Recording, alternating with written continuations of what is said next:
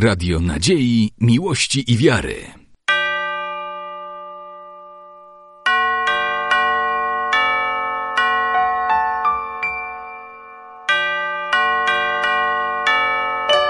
Radio Ortodoksja. W studiu Radia Ortodoksja jest dziś z nami ojciec Rafael Szczerbacz, proboszcz parafii świętych apostołów Piotra i Pawła w Lidzbarku Warmińskim, a także proboszcz parafii w Górowie i Ławeckim. Z naszym gościem chcielibyśmy dziś porozmawiać i o historii tamtejszych parafii, a także o specyfice posługi duszpasterskiej na terenach Warmii i Mazur. Sława Jezusu Chrystu, Ojcze. Sława wieki. Ojcze, miejscowości Lidzbark Warmiński i Górowo i Ławeckie położone są na pięknych terenach Warmii i Mazur.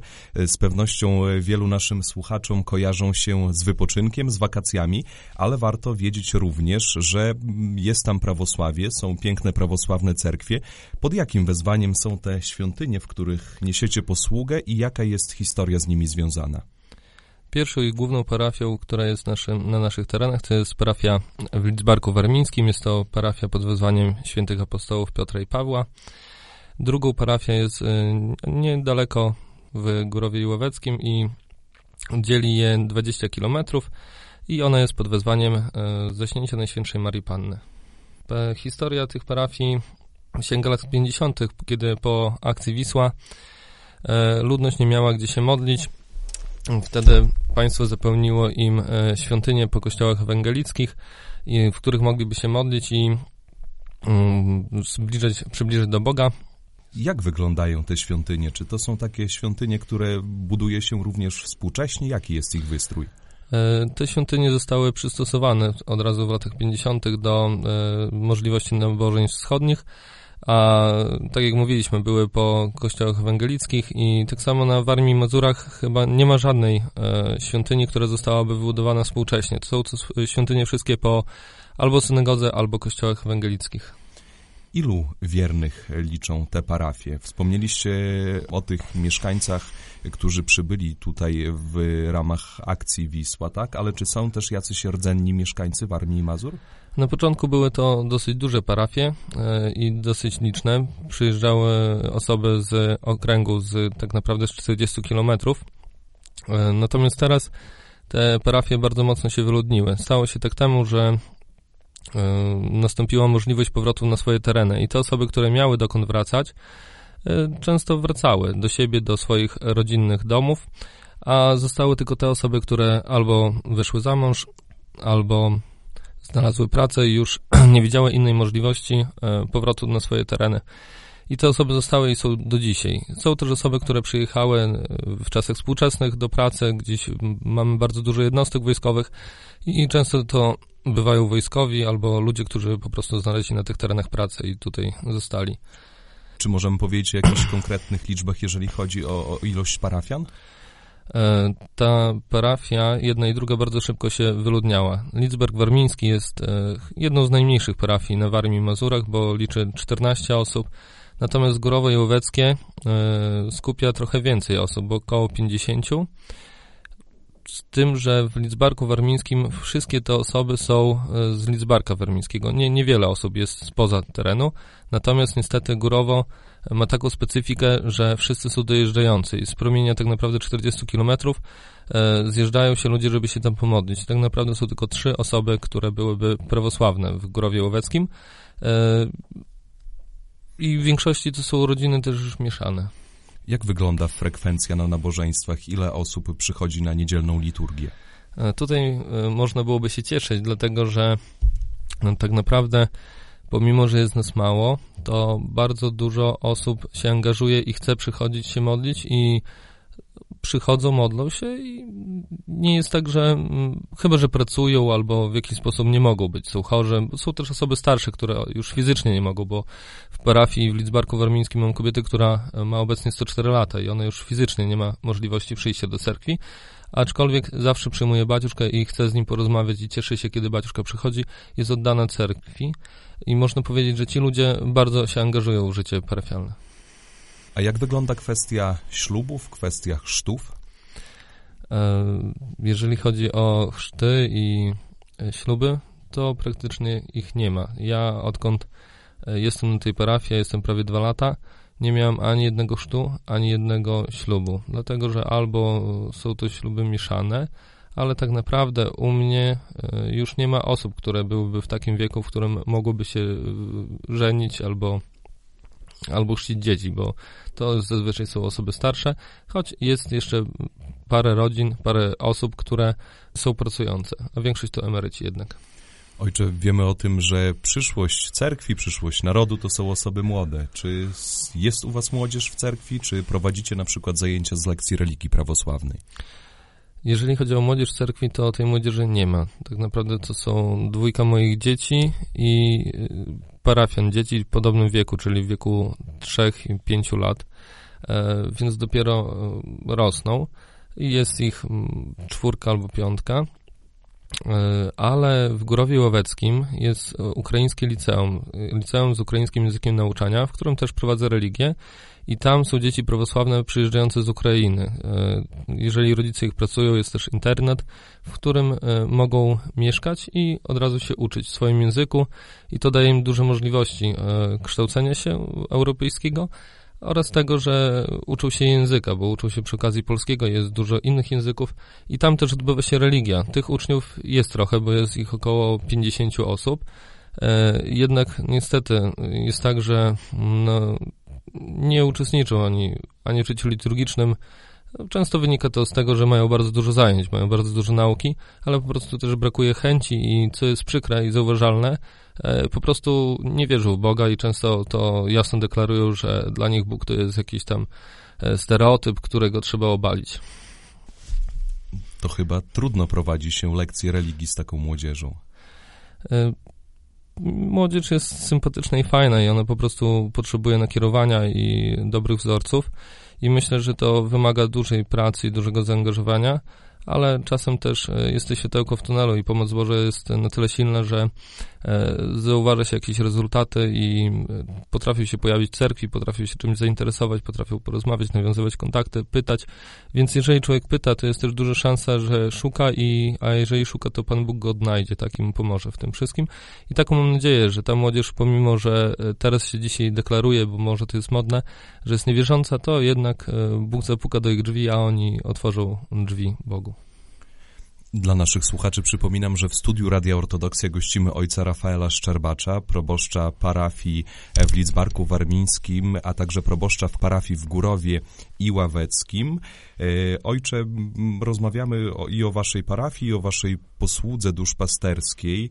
E, wspomnieliście o tym podczas wywiadu, że wasi parafianie są bardzo oddani. W czym to się objawia? Ja myślę, że w uczestnictwie w życiu liturgicznym bardzo chętnie uczestniczą, bardzo chętnie przychodzą na nabożeństwa, ale też w takim praktycznym wymiarze, czyli e, bardzo angażują się w pomoc, żeby te cerkwi, które są, bo tak naprawdę tych finansów nie ma, e, ludzie zarabiają, można powiedzieć, że słabo, tak, a potrafią się podzielić z cerkwią, potrafią e, sami się zaangażować, sprzątać świątynię, przygotowywać do świąt parafialnych. I naprawdę to jest takie, że traktują świątynię jako swój własny dom, tak, jeżeli coś się gdzieś e, zepsuje, to od razu jest reakcja, od razu jest pomoc i mogę liczyć na nich e, w każdej sytuacji i w każdym jakimś takim e, niepowodzeniu, tak, że zawsze chętnie przyjdą, zawsze chętnie posprzątają cerkiew, zawsze chętnie zaangażują się w to, żeby przyjść pośpiewać, żeby przyjść na pogrzeby osób bliskich, bo tak naprawdę, tak jak mówiliśmy wcześniej, E, to jest jedna taka duża rodzina jeżeli nawet e, nie łączą ich więzy krwi, to łączą ich więzy duchowe i na pogrzebie e, potrafią przyjść do rodziny zmarłej, chociaż nie łączą ich tak naprawdę pokrewieństwo, ale bardzo, bardzo po prostu się zżywają ze sobą. Wspomnieliście, że tych parafian bardzo mocno łączą takie więzy duchowe. Przypomnę dla naszych słuchaczy, że ojciec y, Rafael Szczerbac przez kilka lat był kapelanem monasteru na Świętej Górze Grabarce, później był również wikariuszem parafii prawosławnej w Siemiatyczach. I chciałbym teraz zapytać, czym różni się posługa duszpasterska w takich miejscowościach, gdzie jest duża społeczność prawosławna, tak? Mówimy o tym, że Święta Góra Grabarka to jest takie centrum prawosławia w Polsce, od tych małych miejscowości, gdzie teraz pełnicie posługę? Dla mnie jako duchownego przede wszystkim e, różni się wyzwaniem, bo e, na Świętej Górze Grabarce było bardzo wspaniale i bardzo duchowo. I też moje zadanie polegało na spowiadaniu, na nabożeństwach, na, a przede wszystkim na obsłudze duchowego życia sióstr. I tutaj głównym moim zadaniem było odprawianie nabożeństw i wszystkiego, co jest z tym związane. E, tutaj natomiast e, muszę zajmować się wszystkim od A do Z i nabożeństwo często muszę sam zaplanować, w jaki sposób mają się odbywać co po kolei. Tutaj u sióstr wszystko robiły siostry, tak? Zajmowały się chórem, zajmowały się świątynią. Tutaj niestety muszę myśleć i za chór, i za siebie, i czasem jeszcze też za prysłużnika. Pomimo tego, że bardzo się starają, to wiadomo, że nie jest to takie łatwe i to wszystko wymaga jakiejś wiedzy i nauki. I te nabożeństwo, które też służymy, e, po kolei wprowadzamy nowe nabożeństwo, bo do tej pory zazwyczaj to były proste liturgie, bo tylko na to były możliwości, a teraz staramy się spotykać i staramy się planować nowe nabożeństwa. W Wielkim Poście po raz pierwszy odbywaliśmy nabożeństwo uprzednio poświęconych darów. E, próbowaliśmy służyć e, służby w Wielkim Poście w pierwszym tygodniu Wielkiego Postu rano i wieczorem z zaangażowaniem e, ludzi. Problemem jest to, że ludzie już nie znają języka cerkiewno-słowiańskiego i to jest fizycznie bardzo trudne do wykonania. Dlatego też w tym roku wydrukowałem ludziom e, psalmy i wszystkie te takie e, role do czytania w języku polskim, co zostało przyjęte z dużą aprobatą, bo ludzie po prostu mogli uczestniczyć żywo w tych nabożeństwach. Jak wiadomo, nabożeństwa wielkopostne, one składają się zazwyczaj z czytań i to byłoby bardzo ciężko, żeby duchowny sam czytał, sam śpiewał i sam przysługiwał. A tutaj jest zaangażowanie, jest pomoc, jest chęć uczenia się i po prostu czasem robimy to też w języku polskim, żeby, żeby się udawało. To są kwestie szeroko dyskutowane w naszej prawosławnej społeczności. Kwestia języka, język cerkiewnosłowiański, język polski. E, a jak e, sprawy się mają, jeżeli chodzi o kalendarz liturgiczny? E, sprawy się mają bardzo dobrze. E, robiłem e, podczas wizyt duszpasterskich taką ankietę, jak ludzie zaopatrują się na język polski, jak ludzie zaopatrują się na kalendarz liturgiczny. I muszę powiedzieć, że tak jak wszędzie, zdania są podzielone i tak jak chyba w każdej parafii ludzie będą się dzielić na zwolenników, przeciwników, na takich bardzo mocnych przeciwników, na takich bardzo silnych zwolenników i każdy by chciał e, tak trochę przyciągnąć na swoją stronę. Aczkolwiek tutaj jest potrzeba na pewno uczenia ludzi, e, na co zwrócić uwagę i o czym są nabożeństwa, jakie są teksty, o czym one mówią, bo tego przez całe życie tak naprawdę nikt nie miał czasu się uczyć i to jest zrozumiałe, bo człowiek pracuje, to my jako duchowni mamy więcej czasu na takie rzeczy, dlatego że e, naszą, można powiedzieć, misją, naszym powołaniem jest edukacja i, i poznawanie Boga, a tutaj wiadomo, że od ludzi nie możemy wymagać aż tak wiele. E, dlatego staram się e, ludziom tłumaczyć i mówić, o czym są nabożeństwa, ale też wiem, że nie można wprowadzić na siłę ani języka polskiego, ani kalendarza, dlatego że do tej pory jest dobrze, ale jeżeli zacznie się coś zmieniać, to mogą zacząć się też konflikty i nieporozumienia, a niepotrzebne jest e, w małej naszej wspólnocie e, kłótnie i nieporozumienia. Dlatego po wspólnym ustaleniu i po rozmowie z e, naszymi wiernymi ustaliliśmy, że niektóre nabożeństwa, jak liturgia, ile się da, będą w języku polskim i te nabożeństwa będą się odbywać dodatkowo. Nie będą to nabożeństwa w niedzielę, bo i tak nabożeństwa odbywają się co drugi tydzień, żeby pogodzić możliwości, bo duchowny, jak wiemy, może sprowadzić tylko jedną liturgię dziennie, i są co dwa tygodnie. Dlatego nabożeństwa co jakiś czas w języku polskim dla chętnych, dla tych, którzy chcą, są odprawiane w sobotę albo w jakieś takie święto. A jeżeli chodzi o kalendarz liturgiczny, myślę, że na Białostoczyźnie, a zwłaszcza w Siemiatyczach czy na Świętej Górze Grabarce, nie był to aż tak ogromny problem, jak jest e, problemem na Warmii i Mazurach, dlatego że e, tutaj ludzie w święta albo pracują, jeżeli są pracujący, albo mają już rodziny e, w 90% rzymskokatolickie i to rozbija nasze życie duchowe, dlatego że wiadomo, że nie możemy zostawić bliskich, którzy świętują czy Boże Narodzenie i do nich nie pójść, bo jest to niekulturalne, niegrzeczne i niechrześcijańskie po prostu. I nasi ludzie e, uczestniczą w tych e, wydarzeniach Kościoła Rzymskokatolickiego, znaczy przychodzą na wigilię do swoich bliskich, świętują razem z nimi, ale niestety rozbija to nam post i i tutaj jest pewien problem, i dlatego e, jednym z takich rozwiązań mogłoby być, chociaż niekoniecznie, zmiana e, kalendarza liturgicznego, żeby nie było tak, że post zostaje przerwany. Zbliżając się ku końcowi naszej rozmowy, chciałbym zapytać, jakie wyzwania stoją przed waszymi wspólnotami? Wyzwania są ogromne. Wyzwania e, są na tyle ogromne, że tak naprawdę y, tych ludzi jest mało, a ich ciągle ubywa. I chciałoby się powiedzieć i sobie dobrze pożyczyć, że chcielibyśmy więcej dzieci, ale fizycznie jest to niemożliwe. Y, ja myślę, że największym wyzwaniem jest to, aby te świątynie, które są, zostały zachowane w dobrym stanie, żeby one po prostu nie uległy samozniszczeniu i żebyśmy mieli jakiekolwiek możliwości, y, aby te świątynie zostały przychowane, żeby te świątynie nie niszczały ale wierzę w to, że przez tyle lat te świątynie stoją, będą stałe, bo ludzie nie pozwolą, aby te świątynie kiedykolwiek coś się z nimi złego stało. Ludzie to pokazali przez te lata, że oddanie i pomoc Boża może czynić naprawdę wielkie cuda i tego powinniśmy się trzymać i cieszyć się z tego, że e, ci ludzie dalej przychodzą i będą przychodzić i czują, że to jest ich świątynia, ich miejsce i nie chcą zmieniać swojego wyznania, chociaż byłoby to na pewno dużo prostsze. Ojcze, jeżeli ktoś z naszych słuchaczy chciałby wesprzeć Waszą wspólnotę, w jaki sposób można to zrobić? Wesprzeć można przede wszystkim modlitewnie. O to bym najbardziej prosił, żebyście, e, jeżeli możecie, módlcie się za parafię na Warmii Mazurach, bo nie są to parafie proste i łatwe e, i potrzebujemy najbardziej modlitwę, ale oczywiście też e, są potrzeby takie czysto ludzkie.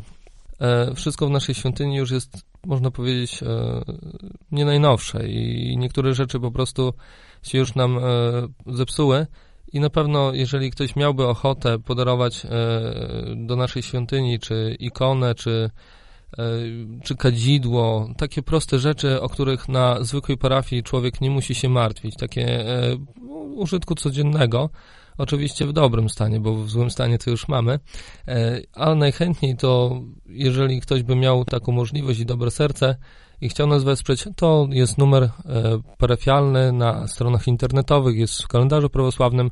Proszę zadzwonić, odezwać się i na pewno, jeżeli będziecie mieli ochotę, e, to porozmawiamy i powiem, czego aktualnie parafia potrzebuje dana. I oczywiście e, my też, jako wspólnota parafialna, będziemy się modlić za wszystkich ofiarodawców i darczyńców. Ojcze, a gdyby ktoś przebywał w waszych terenach, w waszych stronach, to czy można przyjechać, odwiedzić was, waszą świątynię? E, oczywiście, to jak najbardziej. E, zapraszamy serdecznie każdego, kto jest e, na tych terenach. Zauważyliśmy, że są to tereny piękne i tereny, na których przyjeżdża bardzo dużo osób. I cieszę to, że ludzie, którzy przyjeżdżają, co jakiś czas dzwonią, pytają, gdzie odbywa się nabożeństwo i czy mogą uczestniczyć w nabożeństwie. Oczywiście, że, że tak, cerkiew jest dla wszystkich, jesteśmy otwarci i to jest zauważalne, jeżeli zobaczycie, jeżeli przyjedziecie, zobaczycie, że kiedy ktoś do nas przychodzi, to naprawdę ludzie się cieszą, że ktoś nowy przyszedł. I fajnie byłoby, żeby te osoby zostawały, ale wiadomo, że wakacje się skończą, czy urlop, to te osoby wyjadą. Aczkolwiek zawsze każda osoba bardzo nas cieszy. Ojcze, życzymy tego, żeby tych parafian było jak najwięcej, żeby to grono się poszerzało stale. E, dla naszych słuchaczy przypominam, że gościem Radia Ortodoksja był ojciec Rafael Szczerbacz. Rozmawialiśmy e, o parafiach prawosławnych w Lidzbarku Warmińskim, o parafii w Górowie i Ławeckim. Zachęcamy wszystkich naszych słuchaczy i do wsparcia, i do tego, żeby odwiedzić tamtejsze parafie. Dziękuję serdecznie, ojcze. Dziękuję również. Sława Jezusu Chrystu. Sława wieki. Radio Nadziei, Miłości i Wiary.